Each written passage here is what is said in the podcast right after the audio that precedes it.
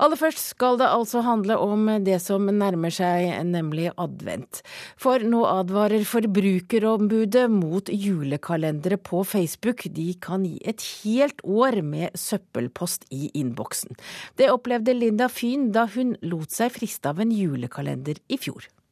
Ja, så De hører jo ikke på meg når jeg sier nei, for jeg har blitt ringt opp flere ganger av de samme firmaene. Og det er liksom stadig noen nye reklamegreier som jeg ikke husker at jeg eh, har lest noe om i det hele tatt, eller svart på noe om i det hele tatt. Så det, det virker veldig sånn uoversiktlig, da. På Facebook kan du vinne alt fra iPad til sminkeprodukter og nesten hva som helst. Og det helt gratis.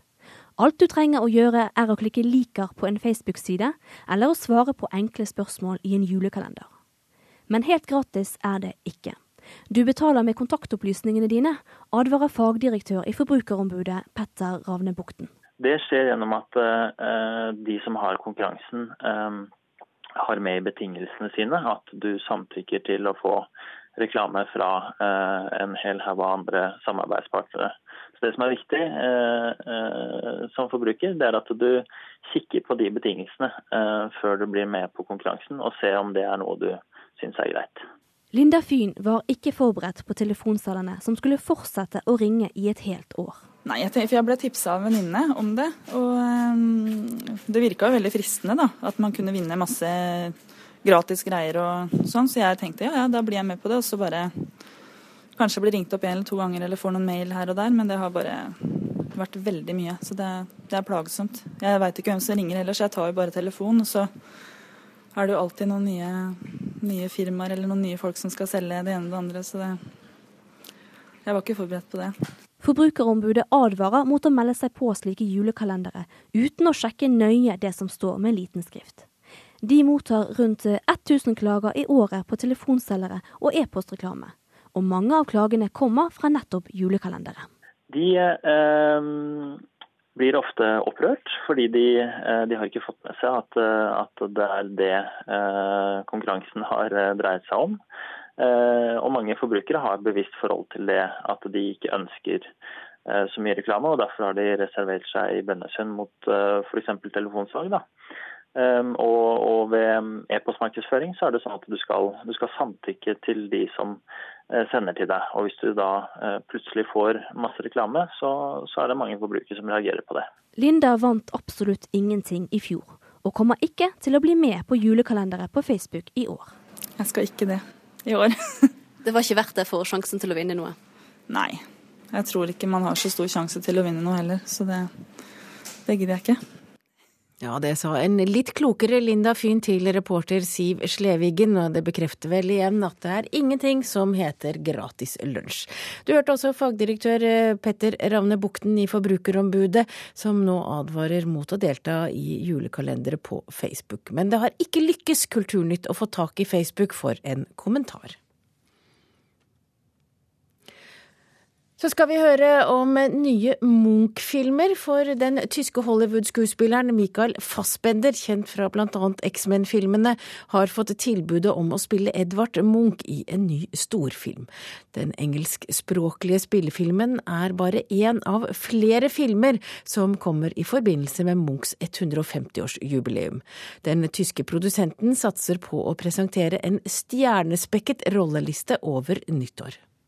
The intention is to make an international movie, uh, English um, script, and uh, we want definitely find an A star, an A cast for Munch. Det skal bli en internasjonal storfilm med engelsk manus og skuespillere fra A-laget, sier Jens Carl Ehlers. Han er produsent i tyske Transcordia filmproduksjon, og bekrefter at samtalene er i gang med Michael Fassbenders agent om hovedrollen. Det blir en tysk-norsk-polsk produksjon om Munchs kjærlighetsliv, basert på Ketil Bjørnstads dokumentarroman om maleren.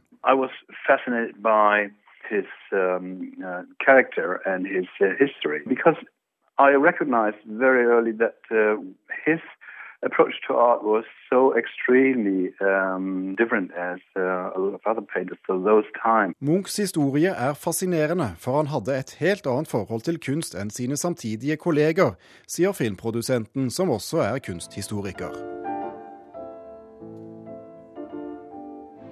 NRK har tidligere fortalt at Stein Roger Bulls produksjonsselskap Nordic Stories skal lage en dokumentarfilm om Munch. Nå er det klart at det dessuten blir en helt spesiell film, basert på et opptak han har gjort av Edvard Griegs A-moll-konsert i universitetets aula, med Oslo Filharmoniske Orkester og Håvard Gimse på klaver.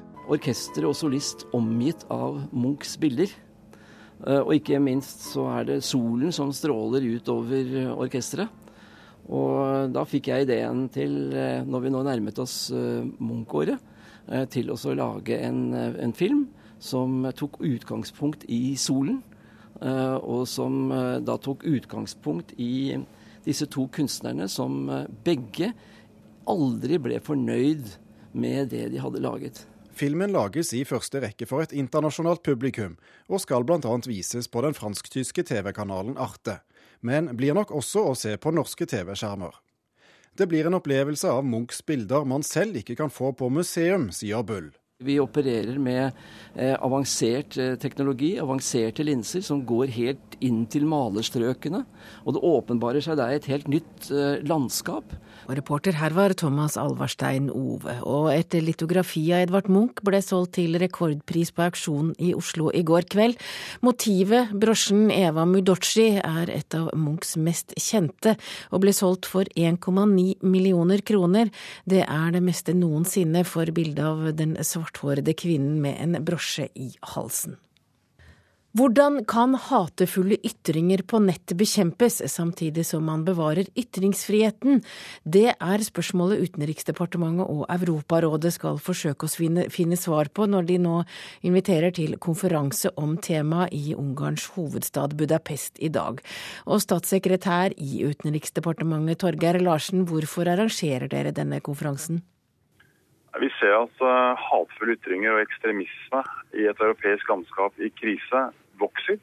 Og det vokser uh, ikke minst uh, her i Ungarn, hvor vi er nå. Hvor romfolk, sigøynere, andre minoriteter merker at presset øker. I den sammenhengen så har vi som Norge vil jeg si, et særlig ansvar. Det er ikke til å legge skjul på at et symbol på den ekstremismen som vokser, det anses å være norsk. Eh, massemorderen fra 22.07. Eh, vi har derfor i eh, samarbeid med Europarådet gått foran og er med å arrangere denne konferansen. Og som du sier, hva er det vi kan gjøre, hva er det vi bør gjøre for å møte den utviklingen? Det er det som er tema for denne konferansen i dag, med en lang rekke deltakere. Ja, Hvem er det som kommer for å diskutere spørsmålet? Det er en lang rekke frivillige organisasjoner. Det er også mange presseorganisasjoner fra Den europeiske kringkastingsunionen til BBC og, og, andre. Eh, det har også vært en samling her, og er det nå, av eh, til sammen 50 bloggere eh, som videreskoleres for å da ta til motmæle. De gjør det allerede på, på nettet eh, mot, eh, mot, ytringer. Og så er det en lang rekke forskningsresultater som legges fram når det gjelder sammenheng eh, mellom, mellom, ytring og, og handling. hvem er de, hvor skjer det, og hvordan er utviklingen. Du er ikke redd for at det bare blir en konferanse hvor alle er enige om at dette er et problem, men ingen klarer helt å finne ut av hva man kan gjøre med det, da? Det tror jeg ikke. Eh, jeg tror også alvoret eh, ble for så vidt understreket her i, eh, i går, vil jeg si. Da fremmes det av et høyradikalt parti i parlamentet i Ungarn at jøder skal listeføres som, som sitter representert i, i nasjonalforsamlingen. Jeg møtte romfolk i går her som forteller om historier, forfølgelse og hva skal jeg si, metoder som det tas til orde for Eh, så vi har lest i historiebøkene, men som vi nå også ser midt i, midt i Europa.